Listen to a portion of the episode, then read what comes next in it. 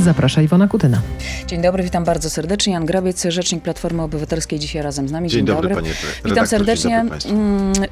Temat oczywiście e, numer jeden na ten moment, o czym przed chwilą w wiadomościach e, mowa była, mianowicie e, wypowiedź Manfreda Webera, szefa Grupy Europejskiej Partii Ludowej. Mówi o zwalczaniu PiSu. Stwierdził, że każda partia musi zaakceptować państwo prawa. To jest zapora przeciw przedstawicielom PiSu w Polsce, którzy systematycznie atakują państwo prawa i wolne media. W odpowiedzi premier Mateusz Morawiecki zaprasza na debatę 2 października. I co pan na to?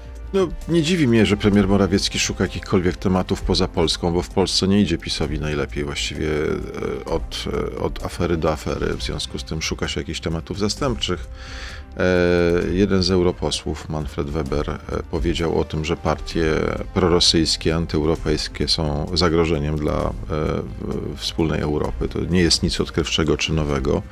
No, smutne jest to, że w tym rzędzie widzi się partię, która rządzi dzisiaj w Polsce, obok takiej no, kryptofaszystowskiej AfD w Niemczech, powiązanej z Rosją, obok partii Le Pen, skrajnie prawicowej, również antyeuropejskiej, wymienia się PiS jednym tchem.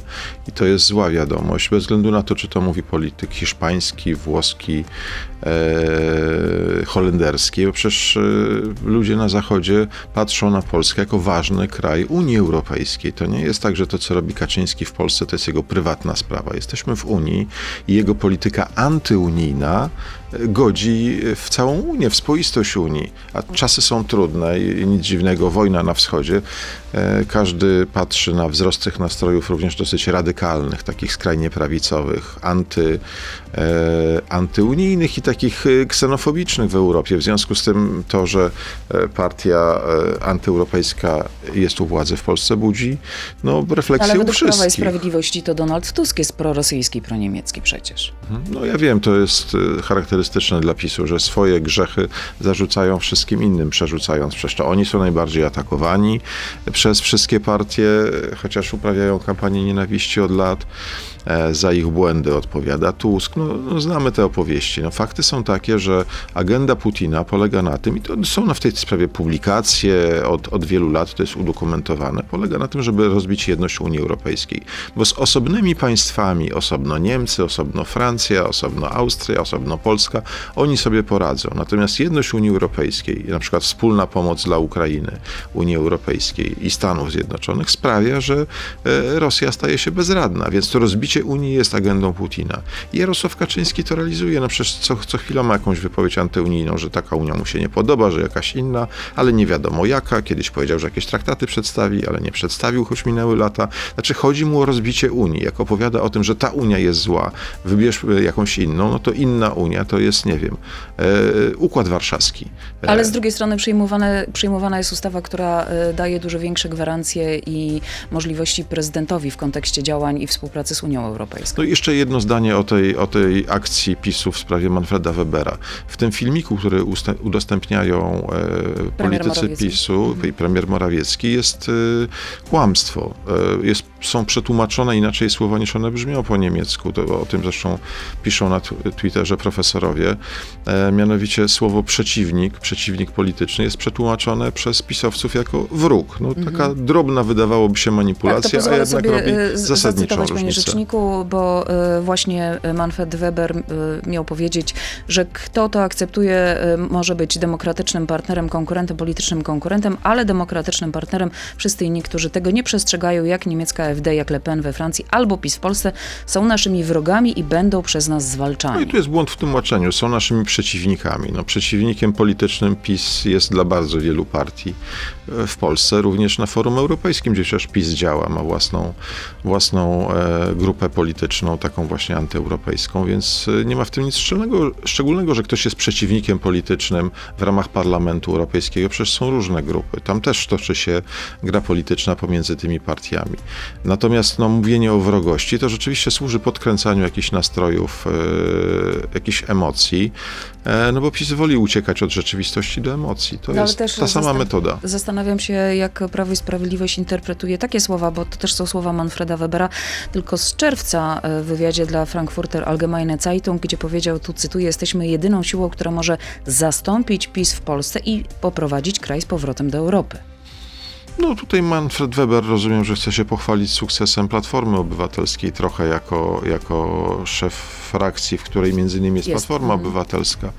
No oczywiście, że, że nie potrzebujemy takiego wsparcia i takiej pomocy. To jest oczywiste, sami sobie poradzimy. I, e, nie przypadkiem nie, nie prowadzimy polityki wewnętrznej na forum europejskim. Taka jest nasza, nasze przekonanie. To Polacy zdecydują o tym, kto będzie rządził, a nie nawet najlepiej życzący Polsce politycy z Unii Europejskiej, czy z Francji, czy, czy, czy, czy Hiszpanii, czy, czy Niemiec, czy Włoch. To, to Polacy o tym zdecydują, więc takiej pomocy nie potrzebujemy. Chociaż jest czymś naturalnym, że cała Europa patrzy na to, co się dzieje w Polsce, na to, czy w Polsce będzie rząd proeuropejski, czy antyeuropejski, co jest sprzyjający polityce wzmacniania Unii, czy jej osłabiania. To, to wszyscy tym żyją, bo jesteśmy ważnym, jednym z najważniejszych państw Unii, wpływającym na rozwój całej Unii. To jest Kiedy? niepodważalne. Tylko pytanie, kiedy y, zobaczymy, jak ten nowy rząd będzie wyglądał, bo wciąż terminu wyborów y, nie znamy oficjalnie. Y, nieoficjalnie spekulacje są od dłuższego czasu i spekulacje, dlaczego prezydent tego terminu nie podaje. Według pana dlaczego? No myślę, że chodzi o takie zaskoczenie. Nie, nie, nie stałoby się nic złego, gdyby pre prezydent zasugerował miesiąc temu, kilka tygodni temu, do jakich terminów się skłania, ale wiadomo, że to e, utrudniałoby e, PiSowi osiągnięcie efektu zaskoczenia. Tylko oni wiedzą, kiedy będą wybory. Wszystkie inne formacje muszą się przygotować na wszystkie terminy. W związku z tym e, no, to utrudnia po prostu kampanię wyborczą, ale mam nadzieję, że pre prezydent jutro, czy dzisiaj, dzisiaj właściwie, jak, jak zapowiada zapowiadają niektóre media związane z PiSem, e, ogłosi te wybory. My jesteśmy gotowi. E, no miał ogłosić wczoraj, więc zobaczymy, jak z tym e, terminem ogłoszenia. Zobaczymy. No ale to przedłużenie, nie ma pan takiego poczucia, y, daje dużo większą przestrzeń i perspektywę Prawo i Sprawiedliwości na prowadzenie prekampanii, którą prowadzi za, za publiczne pieniądze. No to, to jest skandal, to znaczy to, co się dzieje z tymi piknikami 800+, plus, z reklamowaniem programu, którego nie ma. Przecież oni zaczęli te pikniki momencie, w którym nawet ustawa nie była podpisana i opublikowana. Wczoraj dopiero podpisana. Została. Tak, tak. To, to, to co oni promowali? Dokument, który kiedyś wejdzie w życie, zwłaszcza, że on wchodzi w życie 1 stycznia. To co dzisiaj promują? Pamiętajcie, żeby 1 stycznia, no właśnie co, nic nie trzeba robić, automatycznie będzie wypłacane. Więc y, od początku do końca wiadomo, że to jest y, oszustwo, że chodzi o promocję kandydatów PiSu na posłów za setki milionów złotych wydawane z publicznych środków i z y, rządowych, i z budżetu państwa, i ze spółek Skarbu Państwa, bo oni naciągnęli na to też e, spółki Skarbu Państwa, więc jak będziemy płacić więcej za benzynę, więcej za prąd, no to będziemy płacić za te pikniki pisowskie. Minister Niedzielski powinien stracić stanowisko? Oczywiście, że tak. Z bardzo wielu powodów, ale to, co się stało w ostatnich dniach, to jest niebywały skandal. Ujawnianie poufnych danych dotyczących e, leczenia, lekarstw, kogokolwiek e, w celu walki politycznej przypomina rzeczywiście rosyjskie metody, gdzie używa się każdej, ka każdej informacji do tego, żeby zniszczyć przeciwnika politycznego, właśnie wroga. Tutaj można by tą paralelę zastosować, a wrogiem jest każdy, kto ma inne zdanie, więc jeśli lekarz pokazuje, że ma kłopot z wypisywaniem recept, że pacjenci na tym cierpią, no to jest wrogiem tej władzy, można go zniszczyć, używając prywatnych informacji dotyczących niego. To oczywiście nie ma nic wspólnego ani z zasadami dotyczącymi e, e, medycyny. Przez cała medycyna się opiera na tym, że jednak lekarz e, zachowuje tajemnicę lekarską i również inne osoby, które wchodzą w posiadanie takiej wiedzy, powinny tę tajemnicę zachować. Przecież w zaufaniu opowiadamy lekarzom o tym, co nas gnębi. Nie zawsze są to rzeczy, które chcielibyśmy czytać w internecie czy w gazetach. No, w tym przypadku minister Niedzielski uznał, że w celu walki politycznej może, e, może ujawniać takie wrażliwe dane o, o lekarzu. To jest po prostu skandal niebywały. Powinien sam złożyć dymisję. Zresztą takich przypadków e, i historii, jak się okazuje, jest dużo więcej. O nich sobie na pewno dzisiaj jeszcze porozmawiamy. Na pewno na ten moment e, minister Niedzielski stracił pierwsze miejsce na liście wyborczej PiS w Pile. To podobno reakcja Jarosława Kaczyńskiego właśnie na to, co się wydarzyło ale pojawiają się też głosy, że jeszcze przed wyborami może e, stracić e, stanowisko. E, to się okaże i zobaczymy, jak to w praktyce wyjdzie. Przenosimy się teraz do internetu, panie rzeczniku. Jasne. Jan Grawiec, przypominam, jest dzisiaj razem z nami. Ciąg dalszy rozmowy na Radio ZPL, naszym YouTubie i Facebooku. To jest gość Radia Z. No jesteśmy z powrotem. Rzecznik Praw Obywatelskich chce wiedzieć w kontekście, w kontekście właśnie ujawniania tych poufnych danych, e, na jakiej podstawie podczas konferencji Zbigniewa Ziobry, która miała miejsce kilka dni temu, ujawnione zostały dane pokrzywdzonej w sprawie e, Mariki e, Matuszak. I tak jak mówię, no to jest kolejny taki przypadek i taka historia, która wpisuje się w tę narrację, że władza ma dostęp do tych poufnych danych i wykorzystuje i udostępnia w, w przychylnych dla nich momentach. No tak, to jest, to jest ogromny skandal, zwłaszcza, że dotyczy zwykłych ludzi. No, co do polityków, to, to trochę się do tego przyzwyczailiśmy, że używają służb specjalnych, podsłuchują nas. To jest oczywiście nienormalne, to jest putynizacja Polski, ale, ale mieliśmy z tym do czynienia od lat. Tak? Podsłuchiwanie szefa sztabu poprzednich wyborów e, Koalicji Obywatelskiej, e, wszyscy o tym wiedzą, że, że miało miejsce przy pomocy Pegasusa. Natomiast dotyczy to zwykłych ludzi, ludzi, którzy po prostu ze względu na to, co przeżyli, czy to, co mówią, E, są niepomyśli władzy. No to jest niesamowite, że można niszczyć zwykłych ludzi, zwykłych obywateli tylko dlatego, że mają inne zdanie niż władza. To jest przekroczenie wszelkich e, e, barier. No, można powiedzieć, że to jest daleka analogia, ale Nawalny skazany ostatnio znowu na, na kolejne kolejne lata więzienia, kilkanaście lat więzienia, jest przykładem człowieka, który był blogerem e, internetowym, piętnował nadużycia władzy, korupcję i, i, i będzie siedział, jeśli Putin e, będzie miał taką wolę do końca życia w e, kolonii karnej, w więzieniu za to, że, że mówił o korupcji władzy. Więc my powoli zbliżamy się do tego systemu niszczenia różnych osób. Ja przywołam jeszcze jeden przykład, jeśli mogę, niedawny dotyczący niszczenia zwykłych ludzi, bardzo drastyczny, dotyczący dotyczący rodziny Magdy Felix, która zaczęła tropić nieprawidłowości y, w lasach państwowych związane z politykami Solidarnej Polski, którzy doją tę instytucję po prostu na miliony. Zaczęła pytać w interpelacjach, zaczęła robić kontrolę i nagle w przestrzeni publicznej ze środków e, rządowych, e, rządowych mediów, pisowskich mediów, zaczęła czytać o dramacie, który dotknął jej syna skończyło się to samobójstwem dziecka. Znaczy, zrobili to świadomie, przecież to były akta zastrzeżone przez sąd. Musiał je wyciągnąć prokurator, później prokurator przekazać dziennikarzom, żeby one zostały upublicznione. Prokurator podległy Zbigniewowi Ziobrze, liderowi partii, której nadużycia tropiła Magda Felix. Znaczy, nie cofną się przed niczym. Jeśli są w stanie zniszczyć dziecko, doprowadzić do samobójstwa, no to nie dziwię się, że sięgają po takie środki i teraz.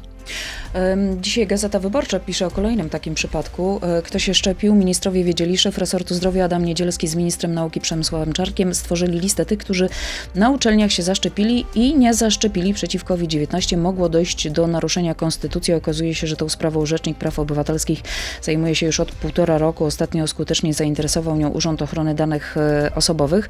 Pytanie brzmi tylko po co? No bo ile chodzi o takie dane no, globalne, powiedzmy, ile procent, jaki odsetek e, tudzież studentów się zaszczepił, no to mogą być przydatne, ale tutaj y, są numery PESEL, więc dokładnie wiadomo, kto się zaszczepił, a kto nie.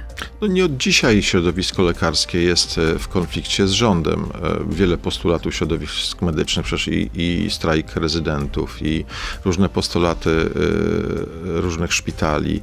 No to jest kłopot dla rządu, bo, bo lekarze mówią o tym, co się dzieje w systemie ochrony zdrowia. Tam jest coraz trudniej dostać się do lekarza, coraz mniejsze mają możliwości, jeśli chodzi chodzi o leczenie, bo one są ograniczane systematycznie przez rządzących, którzy chwalą się, że wydają dużo więcej na zdrowie. Pytanie, gdzie są te pieniądze, bo na pewno nie, nie, nie, nie trafiają na leczenie pacjentów, którzy, kolejki są coraz dłuższe, więc potencjalnie w środowisku lekarzy jest wielu, jak oni to definiują, wrogów tego rządu, tak? Wrogów ludu, kiedyś komuniści mówili. Czyli ludzi, którzy upominają się o prawa pacjentów, nie bacząc na to, że chodzi o ministra, czy chodzi o e, NFZ, czy chodzi o wojewodę pisowskiego. No i zawsze dobrze mieć jest to takie stalinowskie myślenie, na dotyczące stanu zdrowia, czy takich okoliczności dotyczących szczepień, właśnie ludzi, którzy potencjalnie mogą zaszkodzić władzy, bo mówią prawdę. Więc to, to jest naprawdę system taki e, układ zamknięty. To, to, to sformułowanie dobrze opisuje ten system, który stworzył PiS. Jeśli podskoczysz e, tej władzy, mogą cię zniszczyć używając wszelkich danych, którymi dysponuje państwo. A dzisiaj tych danych państwo ma ogromną ilość i to zagregowanych w sposób cyfrowy, w których dostęp jest na jedno kliknięcie dotyczących przelewów z konta, dotyczących stanu zdrowia, dotyczących e, transakcji, dotyczących stanu majątkowego. No, są w stanie e, wybrać wszystkie informacje, spreparować je, jak to już bywało, i użyć przeciwko temu, kto ma inne zdanie. Tak, zresztą e, w tym właśnie temacie mm, Wojciech Klicki z Fundacji Panoptykon, który specjalizuje się w temacie ochrony prywatności w dobie właśnie tych nowych technologii, o których Pan mówi, powiedział, że wszystkie te sprawy uświadamiają obywatelom, że dane osobowe mogą być wykorzystane nie tylko do realizowania ustawowych obowiązków państwa, ale jako narzędzie władzy, o czym właśnie dokładnie e, Pan powiedział. No ale uniknąć się tego nie da. Je- Żyjemy w kraju, gdzie ta cyfryzacja jest e, wszechobecna. No z jednej strony dobrze, a z drugiej niekoniecznie. No, y, oczywiście dane powinny być gromadzone, ale sposób ich wykorzystania ściśle y, powinien być opisany przez prawo. W wielu przypadkach jest, ale tworzenie takich luk, w, którym oso- w których osoby niepowołane mogą właściwie w dowolnym celu wykorzystywać te dane, oczywiście no, okazja czyni złodzieja. Znaczy, jeśli jest taka możliwość, jeśli jest możliwość prawna, albo tak wygląda kultura urzędnicza w Polsce, że jak przełożony każe złamać prawo, to podwładny łamie prawo, no to, to takie sytuacje będą miały bardzo często miejsce w cywilizowanych państwach świata. Po takiej aferze do dymisji podałby się nie tylko e, minister zdrowia, ale wszyscy urzędnicy, którzy po drodze uczestniczyli w tym procederze, w tym przestępstwie. E, u nas mówi się o tym, że być może Niedzielskiego spotkają jakieś konsekwencje, ale ja, ja znam takie sygnały z poprzednich wyborów. W kampanii się mówi, a po wyborach ktoś dostaje, jeśli e, ci ludzie są przy władzy, jego koledzy, prezesowskie stanowiska, spółki Skarbu Państwa albo wręcz ministerialne. To już wiele razy się wydarzyło.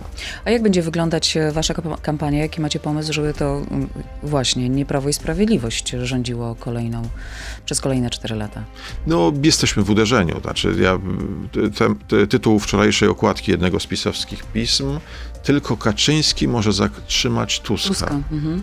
E, Znamienny, prawda? Bo przez lata mówiło się o tym, że trzeba zatrzymać PiS, że oni są w uderzeniu i trzeba zorganizować opozycję, żeby zatrzymać ten walec. A dzisiaj sami pisowcy dostrzegają, że to Tusk idzie po nich, że, że to oni są w defensywie i to jest kwestia pracy ostatnich kilkunastu miesięcy, bo żeby zbierać plony jesienią, trzeba zasiać wcześniej, więc będziemy to kontynuować. Dzisiaj w Legionowie o 18 wiec Donalda Tuska będzie e, przewodniczący jeździł do mniejszych i większych miejscowości po to, żeby przekonywać, tam już setki tysięcy ludzi były na tych zgromadzeniach. Ja nie mówię o marszu w Warszawie, który miał ogromną skalę, w tych mniejszych miejscowościach. No jeśli w małych miasteczkach przychodzi 2000, 4000 ludzi na spotkanie, to znaczy, że e, docieramy do ludzi. Przecież tam nie są tylko działacze Platformy. No, nie- jesteśmy tak wielką partią, żeby mieć setki tysięcy członków. Jesteśmy dużo mniejszą partią, a przychodzą ludzie, którzy chcą posłuchać czegoś o, o, o tym, co się dzieje w Polsce, o przyszłości Polski. E, I mam wrażenie, że nastrój w Polsce się bardzo mocno zmienia i to powoduje, że, że takie nerwy są w obozie władzy, że są takie nerwowe e, reakcje, że właściwie Morawiecki i Kaczyński w każdym wystąpieniu mówią o Tusku są przy władzy. Zamiast mówić o tym, co zrobili, co zrobią w najbliższym czasie, no mówią o Tusku. No, z czegoś to wynika? Z tego, że kampania... y, Tego jeszcze nie widać w sondażach, prawda? Bo mamy ten dystans. Z, z większości sondaży wynika, że jeszcze parę mandatów brakuje opozycji demokratycznej do, do objęcia e, władzy, możliwości stworzenia rządu, ale tendencje, te, te trendy słynne, no są charakterystyczne, że to przecięcie z PiSem musi nastąpić i to w najbliższych tygodniach. Ym, Mam jedno z pytań od naszego słuchacza e, w kontekście właśnie nawiązał pan do marszu i 1 października e, Donald Tusk zapowiedział kolejne. E, Czy marsz 1 października będzie wiecem politycznym, bo jeśli tak, to inne partie chociażby chciały, nie mogą wziąć udziału. No, musi być wiecem politycznym z wielu powodów. Po pierwsze, dlatego, że jest w kampanii wyborczej. Eee, I to chyba najważniejszy powód. Eee, Wszystkie wydatki eee, czy organizowane przez partie polityczne wydarzenia są wydarzeniami kampanijnymi. Oczywiście politycy opozycji mogą wziąć udział w, w takim przedsięwzięciu. Bywa tak przecież, że e, nie wiem, zapraszani są politycy innych ugrupowań zaprzyjaźnionych, będących po tej samej stronie, nie wiem, na konwencje, na, na rady krajowe, na posiedzenia, jako goście, więc w, w takim charakterze oczywiście no, nie ma mowy o tym, żeby to było wspólne przedsięwzięcie, w sensie wspólnie finansowane. No, tego przepisy nie przewidują. E, więc jeśli chodzi o stronę organizacyjną, my to musimy wziąć na siebie, co nie, co nie znaczy, że, że ktokolwiek po stronie demokratycznej e, ma jakiś zakaz wynikający z przepisów tego, żeby, żeby żeby przyjść i być w tym dniu razem ze swoimi wyborcami, bo mamy świadomość, że przyjdą sympatycy Platformy, Koalicji Obywatelskiej, ale też innych ugrupowań demokratycznych. Ile prekampania was kosztuje? A ile sama kampania będzie was kosztować? Bardzo dużo prekampania. To jest największa kampania w historii Platformy. Prekampania no, dużo przekraczająca środki, którymi dysponujemy w subwencji. Tak naprawdę zaangażowanie e, darczyńców, e, no, grubo ponad 7 milionów wpłynęło z takich datków w wysokości 100-200 zł na konto Platformy. To pozwala nam bardzo intensywną prowadzić tą prekampanię. Ja nie chcę mówić o szczegółach, to będzie w sprawozdaniu partyjnym, ale naprawdę duże przedsięwzięcia kosztują setki tysięcy albo miliony. No, nie da się zorganizować takiego marszu jak w Warszawie bez e, ochrony, bez e, środków medycznych zapewnionych odpowiednich, bez odpowiedniej organizacji. To są ogromne przedsięwzięcia, których do tej pory w polskiej polityce nie było w takiej skali. E, Newsweek napisało, że z rezerwy budżetowej, no to już wcześniej o tym była mowa, Ministerstwo Infrastruktury dostało 2,5 miliona złotych na popularyzowanie darmowych autostrad. To jest to, o czym mówiliśmy o prekampanii Prawa i Sprawiedliwości, głównie skupiającej się na 800 plus i na piknikach 800 plus, ale nie tylko, także o darmowych autostradach była mowa. E, no i też sondaż się pojawił taki, co Polacy myślą o piknikach 800. E, plus. Mm, to był sondaż, w którym padło pytanie właśnie. Respondenci zostali zapytani o to, czy zgadzają się, że w roku wyborczym publiczne pieniądze z kancelarii premiera, ministerstw mogą być wydawane na przykład na pikniki z wyborcami. 55% była przeciwna takiemu dysponowaniu finansami publicznymi, z czego 42% ponad opowiedziała się, że zdecydowanie się na to nie zgadza, więc ten odsetek jest e, całkiem spory, czyli Polacy przyglądają się temu, co się dzieje i chyba niekoniecznie im się to podoba, czyli tak naprawdę e, może się okazać, że Prawo i Sprawiedliwość strzela sobie w kolano, chociażby organizując tego typu pikniki, bo efekt będzie odwrotny od zamierzonego? No zdecydowanie widać chociażby po frekwencji na tych piknikach, że niewiele osób przychodzi więc one nie mają sensu nawet tego wyborczego większego, okazuje się. Natomiast koszty e, zapłacą ogromne, bo są powody, dla których Polacy nie chcą takiego wydawania pieniędzy. Po pierwsze, to jest sięganie do kieszeni podatników po raz kolejny. E, wiemy, jak dużym podatkiem jest drożyzna, inflacja, która dotyczy nas wszystkich. Po prostu płacimy za wszystko więcej, zarabiamy niekoniecznie więcej, więc ubożejemy jako społeczeństwo. A tutaj jeszcze mamy wydawać na cele partyjne uh, Polacy też nie lubią, jak ktoś manipuluje przy wyborach. Znaczy chcą wyborów uczciwych. Mają swoje zdanie, głosują na tą czy inną partię, czy nie idą głosować, bo tak wybierają, ale nie chcą, żeby ktoś tym ręcznie sterował. To jest ograniczenie wolności, możliwości wyboru i to się mści zawsze na tych, którzy próbują tej manipulacji dokonać, nie mówiąc o tym, że to jest działanie przestępcze. E, jest już kilka zawiadomień do prokuratury w tej sprawie. Dokumentujemy to przez kontrole poselskie, że tego rodzaju wydatki są po prostu niezgodne z zasadami finansów publicznych. No i ludzie, którzy podejmują decyzje, podpisują się pod tymi decyzjami, będą za to odpowiadać karnie. Mm, na rękę jest Platformie, że powstała trzecia droga? Nie wolelibyście dogadać się z PSL-em? Proponowaliśmy wspólną listę całej opozycji. Wtedy, kiedy te propozycje padały jesienią ubiegłego roku, to miało głęboki sens. Ze wszystkich badań wynikało, że to maksymalizuje wynik opozycji i daje taką pewność e, e, naszym wyborcom, że głos się nie zmarnuje. E, nasi partnerzy wybrali inną propozycję, szanujemy ten wybór, idą razem. No, niepokojącym elementem jest kwestia tego progu 8%, który mhm. trochę komplikuje sytuację. Mamy nadzieję, że, że ta kampania naszych partnerów będzie bardzo dobrze prowadzona, że uzyskają kilkanaście procent poparcia. Życzymy im tego mm, i że te głosy się nie zmarnują. Mhm. A pakt senacki, jak się ma? Bardzo dobrze. Właściwie wszystko jest ustalone. Um, oczywiście wymagało to trochę dyskusji, no bo jest wielu ambitnych polityków w Polsce, a w okręgu może wystartować tylko jedna osoba. To nie jest jak z listą parlamentarną, że można się podzielić miejscami, ale te rozmowy dobrze wyglądały. Widać było, że celem wszystkich jest ułożenie tego paktu. Nikt nie traktował tego jako okazji do wyszarpania czegoś dla siebie kosztem innych, więc no, oczywiście najwięcej y, ustąpiła Platforma Obywatelska. W ogóle szacunki na to pokazują. Gdybyśmy sami wystartowali, mielibyśmy mieliśmy więcej senatorów niż, niż w ramach paktu. Natomiast doceniamy wartość tego, żeby opozycja kontrolowała Senat demokratyczna w przeszłości. E, w związku z tym ustąpiliśmy w bardzo wielu miejscach mandaty, które e, na pewno zdobyliby nasi kandydaci, po to, żeby każdy z ugrupowań opozycji demokratycznej czuło się traktowane po partnersku. A co w końcu z Romanem Giertychem? Bo wczoraj e, w Radiu Z Paulina Henning-Kloska mówiła, że decyzja należy tak naprawdę do Platformy Obywatelskiej. Chciałby startować spod poznańskiego Bważanka, tu cytat, a to jest JOW w rozdziale PO. To decyzja Donalda Tuska, czy uwzględni akces Romana Giertycha i odda mu jeden z JOWów. I chciałabym i boję się, to takie porzekadło pokazujące tę sytuację, ale ja nie chcę jej trywializować.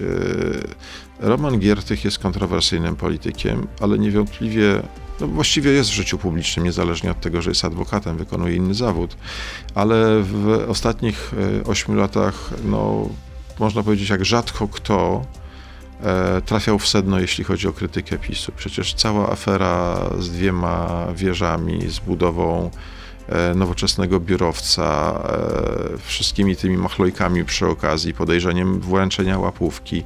No to wszystko wyświetlał Roman Giertych. To afera, która jak rzadko która uderzyła w samo sedno, splot e, PiSu, pokazując, że za pozycją PiSu polityczną stoją też różnego rodzaju interesy, o których Kaczyński nie powie, ale które przypominają te operacje nomenklaturowe z początku lat Traf, 90. Zresztą chyba w czułe punkty, biorąc pod uwagę, co się wydarzyło w związku z jego rodziną. Tak, tak, tak. Więc y, zresztą jako osoba, która współpracowała z Kaczyńskim, będąc wicepremierem rządu, no, wie bardzo dużo o, o tym, jak wygląda realna polityka po stronie PiSu. Myślę, że przydałby się e, na polskiej scenie politycznej. Natomiast oczywiście jest tak, że to, startowanie w ramach Paktu Senackiego wymaga zgłoszenia. Nie wiem, jak to się ostatecznie rozstrzygnie, ale e, myślę, że ta krytyka, którą dziś słyszymy z wielu stron e, Romana Giertycha za ostatnie 8 lat jest e, niesprawiedliwa. A Przemysław Wipler? Powiedział, że e, chce koalicji m.in. z Platformą Obywatelską. Sensowniej byłoby taktycznie dogadać się na głębokie zmiany z opozycją na chwilę na techniczne wyczyszczenie państwa z opozycją bez lewicy, tak w Onecie powiedział e, Przemysław Wipler z Konfederacji, dodaj. Ja myślę, że to wypowiedź taktyczna, bo największą wadą Konfederacji, wiemy to po badaniach, jest to, że to jest partia która jest bardzo blisko związana z PiSem. I politycy, kandydaci na listach e, Konfederacji, tej formacji są związani z PiSem, czy byli w klubie PiSu. Łączy ich wiele interesów, e, również z osobami z PiSu, wiele firm, wiele działalności gospodarczych kwitło za, za czasów PiSu, więc te powiązania są tych środowisk bardzo bliskie, a wiemy, że wyborcy Konfederacji są bardzo mocno antypisowscy, zwłaszcza ci, którzy pojawili się w tym roku, począwszy od stycznia, e, dając ten wzrost sondażowy Konfederacji, oni uważają, że Konfederacja jest partią antypisowską. Stąd politycy PiSu zaczynają opowiadać o tym, że nie będzie koalicji z PiSem, która wydaje się wszystkim analitykom sceny politycznej najbardziej naturalna, więc oni próbują zaprzeczać temu po to, żeby utrzymać przy sobie wyborców. Gdyby wyborcy Konfederacji wiedzieli, jak bardzo ta partia jest związana z PiSem, e, sądzę, że bardzo wielu z nich nie oddałoby głosu na Konfederację. Chodzi pan często do lasu na grzyby? Czasem chodzę, byłem w, w weekend w lesie, choć żadnego grzyba nie znalazłem, prawdę mówiąc. Chyba ta susza lipcowa sprawiła, że grzyby będą trochę później. No boi się pan, że nie będzie można wchodzić do lasów? No, PiS już wprowadzał takie przepisy, wszyscy pamiętamy. No, no tak, w pandemii. Wymyślili, żeby nie wchodzić do lasu, absurdalny przepis, ale E, więc jeśli jest jakieś zagrożenie do, do, dla grzybobrania, to myślę, że ze strony takiej władzy jak PiS, która nie cofnie się przed niczym. No tak, no, Jarosław Kaczyński mówił podczas weekendu jednego z pikników właśnie, że e, jeżeli Polska stanie się zależna od e, Brukseli, a stanie się to, jeżeli PiS nie wygra, to dojdzie do prywatyzacji lasów, Polacy nie będą mogli chodzić na grzyby. No i dzisiaj nawet pozwolę sobie zacytować, Gazeta Polska się do tego odniosła. Są plany pozbawienia Polaków dostępu do lasów lasów. Bezpośrednie zaplecze Donalda Tuska już przygotowało reformę leśnictwa w Polsce, w ramach której 30% lasów miałoby zostać przeznaczone do ochrony ścisłej, tak jak chce tego Unia. Kolejne 2 miliony hektarów ziemi rolnej zostałyby zalesione. To, że chcę, ale to, to nie wiem właśnie na czym polega problem, bo ten tekst świadczy o tym, że my chcemy chronić lasy a, a nie w jakiś sposób je uszczuplać. Nie wiem, dlaczego PiS podnosi ten argument. Rzeczywiście mhm. ich polityka jest kompletnie niezrozumiała. Znaczy, nie będzie grzybów w lesie, który został wycięty. To raczej się nie zdarza. Przynajmniej e, te grzyby, które lubimy zbierać, nie rosną e, na wykarczowanych terenach poleśnych, a w ciągu tych ostatnich ośmiu lat ogromna część polskich lasów wyjechała do Chin i do innych na inne kontynenty, e, zresztą działając na szkodę nie tylko stanu lasów, ale również polskiego przemysłu drzewnego. Drewno w Polsce jest bardzo drogie, wywozi się nadal statkami ogromne ilości e, drewna za granicę. Wiadomo, kto robi na tym interesy, kto politycznie odpowiada za lasy państwowe, kto, kto zawiązuje spółki, bliscy znajomi, których polityków na tym zyskują. Na pewno Polska na tym traci pod każdym względem. Jeśli ktoś prywatyzuje lasy w Polsce, czy chce ich prywatyzacji, to de facto zrobił to PiS. No, wycięcie i sprzedanie lasu jest jego prywatyzacją. W prywatne kieszenie płyną zyski z tego tytułu w największym stopniu. Um, Obawia się pan tego, co dzieje się przy naszej wschodniej granicy, bo teraz mm, białoruskie wojska rozpoczęły ćwiczenia bardzo blisko. E, komendant Główny Straży Granicznej Tomasz Praga poprosił MON o wysłanie na przejście polsko-białoruskie e, dodatkowych tysiąca e, żołnierzy. No, chodzi oficjalnie o wzrost liczby mm, prób nielegalnego przekroczenia. No i właśnie na to nakładają się także te ćwiczenia i ostatnie wydarzenia, które miały miejsce przy granicy polsko-białoruskiej. Obawiam się tego, co się e, dzieje na granicy, co będzie się działo. E, z dwóch powodów. Po pierwsze, dlatego, że no, taki jest plan Moskwy, taki jest plan Putina, żeby destabilizować sytuację w Polsce, żeby też nastawiać Polaków, e, tak naprawdę przestraszyć Polaków po to, żeby byśmy przestali udzielać pomocy Ukrainie. To jest prosty plan, on jest wprost w telewizjach rosyjskich przez rosyjskich propagandystów opowiadany, że trzeba tutaj zagrozić Polsce, czy atakiem e, jądrowym, czy jakąś interwencją, czy jakimś przekraczaniem granicy po to, żeby Polacy, Polacy przestali popierać Ukrainę. Dziwi mnie bardzo, że w tej narracji bierze udział polski premier który jeździ na granicę i zamiast zapewnić realne wzmocnienie granicy, robi konferencje prasowe, na których stroszy Polaków Wagnerowcami. Bo mamy e, profesjonalną armię, przynajmniej mieliśmy ją za czasów rządów Platformy Obywatelskiej. Dzisiaj mamy wielu wspaniałych, świetnych żołnierzy, wielu dowódców. E, jest Straż Graniczna, co prawda no, w, niezbyt wzmocniona przez PiS. Jak słyszę, widzę te zdjęcia e, strażników, którzy nocują w szałasach, bo nie zapowiedziano im dachu nad głową na mhm. posterunkach, na które zostali wysłani, no to, to, to, to nie wygląda to najlepiej. Znaczy, polska granica niestety jest dziurawa i to nie tylko dla e, imigrantów, których tysiące jest zatrzymywanych przechodzących polską granicę w Niemczech. Niemiecka policja zatrzymuje, prowadzi ustalenia, którędy przyszli ci imigranci i większość niestety przeszła przez polską granicę. Znaczy te opowieści o tym płocie, który zapewni nam bezpieczeństwo, są iluzją. Znaczy, nie ma takiego płotu, którego nie można przeskoczyć. E, potrzebne tam jest profesjonalne zarządzanie, odpowiednia ilość ludzi, a tego do tej pory nie ma. To niepokoi. A stan polskiego wojska, zwłaszcza obrony przeciwlotniczej, to już zupełnie inna kwestia. Rozmawiałem nie dalej niż przedwczoraj z jednym z przedstawicieli PiSu w studiu telewizyjnym, który powiedział, że my po prostu nie mamy radarów, które mogą wykrywać obiekty, które na mniejszej wysokości niż 500 metrów lecą. E, znaczy, powiedział coś takiego przedstawiciel władzy w momencie, w którym e, za naszą granicą toczy się wojna i właściwie powiedział to jako usprawiedliwienie. No tak, nie wykryliśmy tych śmigłowców, bo nie mamy odpowiednich radarów. Po ośmiu latach rządów opowiadanie takich rzeczy. Ale jednocześnie Jarosław Kaczyński zapewnia, że bezpieczeństwo jest priorytetem dla nas. Dokładnie tak. No przecież dwa tygodnie po tym, jak Kaczyński, Błaszczak zapewniali, że polskie niebo jest chronione, wleciała do Polski ta rakieta zdolna przynosić ładunki jądrowe i spadła pod Bydgoszczą, po czym przez cztery miesiące e, nic się w tej sprawie nie działo.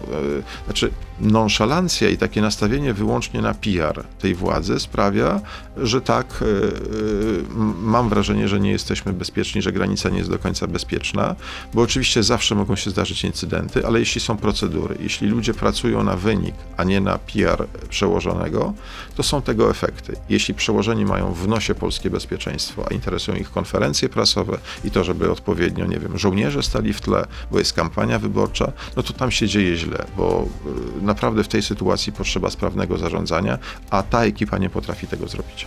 To jeszcze na koniec e, może uda się kilka pytań od e, naszych słuchaczy. Mm, Czy Platforma dalej będzie brnęła w kredyt hipoteczny 0%, kiedy już bardzo dobrze widzimy, że propozycja PiSu z kredytem 2% obniżyła dostępność mieszkań i spowodowała podwyżkę cen? Dostępność mieszkań będzie wtedy, kiedy będą ludzie, którzy chcą je kupić. Znaczy, deweloperzy w całym kraju i również samorządy są gotowe budować mieszkania, tylko nie było je po co budować w ostatnich trzech latach, bo, bo w- dostępność do kredytów była zerowa, więc te, te mieszkania się po prostu pojawią. E, natomiast nie możemy powiedzieć, że nie wiem, e, zablokujemy setkom tysięcy Polaków możliwość, młodych Polaków zakupu mieszkania, dlatego żeby ceny mieszkań nie wzrosły. Znaczy, po co komu takie ceny mieszkań, których nie można kupić? Obniżone. To jest absurdalne. Jest pewien absurd w tej logice. Oczywiście nie No ale można. takie programy jak Kredyt 2 Plus powodowały, że faktycznie te ceny mieszkań powindowały. Ja przyglądałem statystyki o 2% w niektórych No w miastach. Warszawie, z tego co pamiętam, sprawdzałam, to było chyba w, w okolicach 5,5, w Krakowie 6 albo odwrotnie. Myślę, że za chwilę te ceny się ustabilizują, jak pojawią się na rynku nowe mieszkania. Znaczy, oczywiście trzeba dbać o to, żeby nie destabilizować rynku, to jest zawsze ważne. Zawsze interwencja państwa destabilizuje rynek i trzeba to robić odpowiednio, rozkładać w czasie i tak dalej. Ale e, naprawdę, no, powiedzenie ludziom z dnia na dzień na skutek inflacji setki tysięcy Polaków straciły jakąkolwiek zdolność kredytową. Ludzie, których stać było na zakup mieszkania po, po wkładzie własnym za 400-500 tysięcy, e, czy budowę domu, nagle stracili zdolność kredytową i mają zdolność na poziomie 100 tysięcy. Znaczy to się wydarzyło na skutek inflacji i wszystkie państwa dojrzałe mają pewne procedury, pewne regulacje, które ułatwiają nabycie tego mieszkania. Czy to jest kwestia stawiania na kredyty o stałej stopie procentowej, czy to jest kwestia pewnej ochrony dotyczącej reguł, o ile może wzrosnąć oprocentowanie w określonym czasie. Wszyscy chronią e, możliwość nabycia mieszkań, w, jeśli mówimy o mieszkaniach na własny użytek, na własne potrzeby, a nie inwestycyjnych zakupach. E, My też musimy to robić w Polsce. Oczywiście z głową. No, nie, nie można doprowadzić tego, żeby te ceny mieszkań e, wystrzeliły w górę, ale też- trudno się spodziewać, że one odrobinkę o te 2 czy 3% nie wzrosną w momencie, w którym nie było nabywców przez ostatnie miesiące, a teraz się pojawili. Ale y, tutaj każdy rząd powinien po prostu trzymać rękę na pulsie. Jeśli wydarzy się coś niepokojącego, są instrumenty co do tego, żeby to skorygować. My mieliśmy program, z którego powstały setki tysięcy mieszkań, to mieszkanie dla młodych, rodzina na swoim i on funkcjonował. Krytycy podnosili, że wzrosły ceny mieszkań, ale setki tysięcy ludzi tylko dzięki temu programowi uzyskało mieszkania. I dla nich czy to mieszkanie jest 2% tańsze czy droższe, nie ma znaczenia, bo mają swoje lokum. Nie muszą wynajmować powierzchni czy mieszkać u rodziców. Więc yy, no, trzeba tutaj mierzyć, że tak powiem, rację w tych sprawach. E, Kolejne pytanie od naszego słuchacza. E, Dlaczego oburza Was ujawnienie informacji medycznych przez ministra Niedzielskiego? Sami byliście wśród partii, które nalegały na paszporty covidowe i podawanie danych wrażliwych praktycznie każdemu, kto tego zażąda.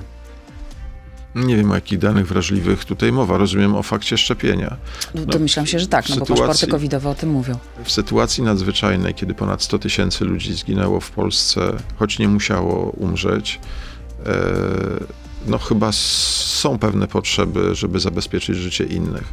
Chociażby, nie wiem, wyobrażam sobie, przecież pamiętamy te początki COVID-u, domy pomocy społecznej, gdzie po tym, jak zachorowała jedna osoba, pielęgniarka, umierały dziesiątki osób, po prostu w ciągu dwóch, trzech tygodni. No przecież y, brak y, sprawdzenia tego, czy ktoś skorzystał z szczepienia, czy nie, oznacza śmierć ludzi, którymi się opiekuje. Czy chcielibyśmy na pewno chodzić z dzieckiem do lekarza, e, który się nie zaszczepił, który może zarazić groźnym wirusem nasze dziecko? No, są takie sytuacje, w których to sprawdzenie jest wymagane w sytuacjach nadzwyczajnych. Dzisiaj nie mamy sytuacji nadzwyczajnej. Dlatego nas oburza ta sytuacja, bo mówimy o użyciu tych samych danych nie do ratowania czyjegoś życia, tylko niszczenia czyjegoś życia. Na tym polega dramat. No to na koniec jeszcze jedno pytanie. Czy Koalicja Obywatelska zdekryminalizuje posiadanie małych ilości marihuany? To jest ważna kwestia, bo mam wrażenie, że w ostatnich latach bardzo mocno nadużywana jest, e, te, są te przepisy dotyczące zakazu posiadania jakiejkolwiek ilości marihuany do tego, żeby po prostu upokarzać ludzi, poniżać, zwłaszcza młodych ludzi. E, To nie wygląda dobrze. Myślę, że o ile generalnie co do zasady narkotyki powinny być e, zakazane, to tak ostra e, reakcja systemu wymiaru sprawiedliwości na posiadanie e, marihuany w ilości e, minimalnej, tej przeznaczonej na własny użytek, gdzie robi się z tych ludzi przestępców, no jest nieuzasadniona i tutaj trzeba poszukać wzorców, które są w innych państwach, gdzie nie kryminalizuje się ludzi za to, że mają jednego papierosa. No to, jest, to jest nie do pomyślenia. Oczywiście twarde narkotyki to jest poważne zagrożenie dla życia, zdrowia ludzi i miejsce, w którym pleni się przestępczość zorganizowana, więc tutaj państwo musi być bardzo stanowcze. Jan Grabiec, rzecznik Platformy Obywatelskiej był dzisiaj e, naszym gościem. Bardzo dziękuję za to spotkanie. Dziękuję bardzo. Dziękujemy Państwu. Pozdrawiam. Do zobaczenia i do usłyszenia. To był gość Radia Z. Słuchaj codziennie w Radio Z i na player radioz.pl.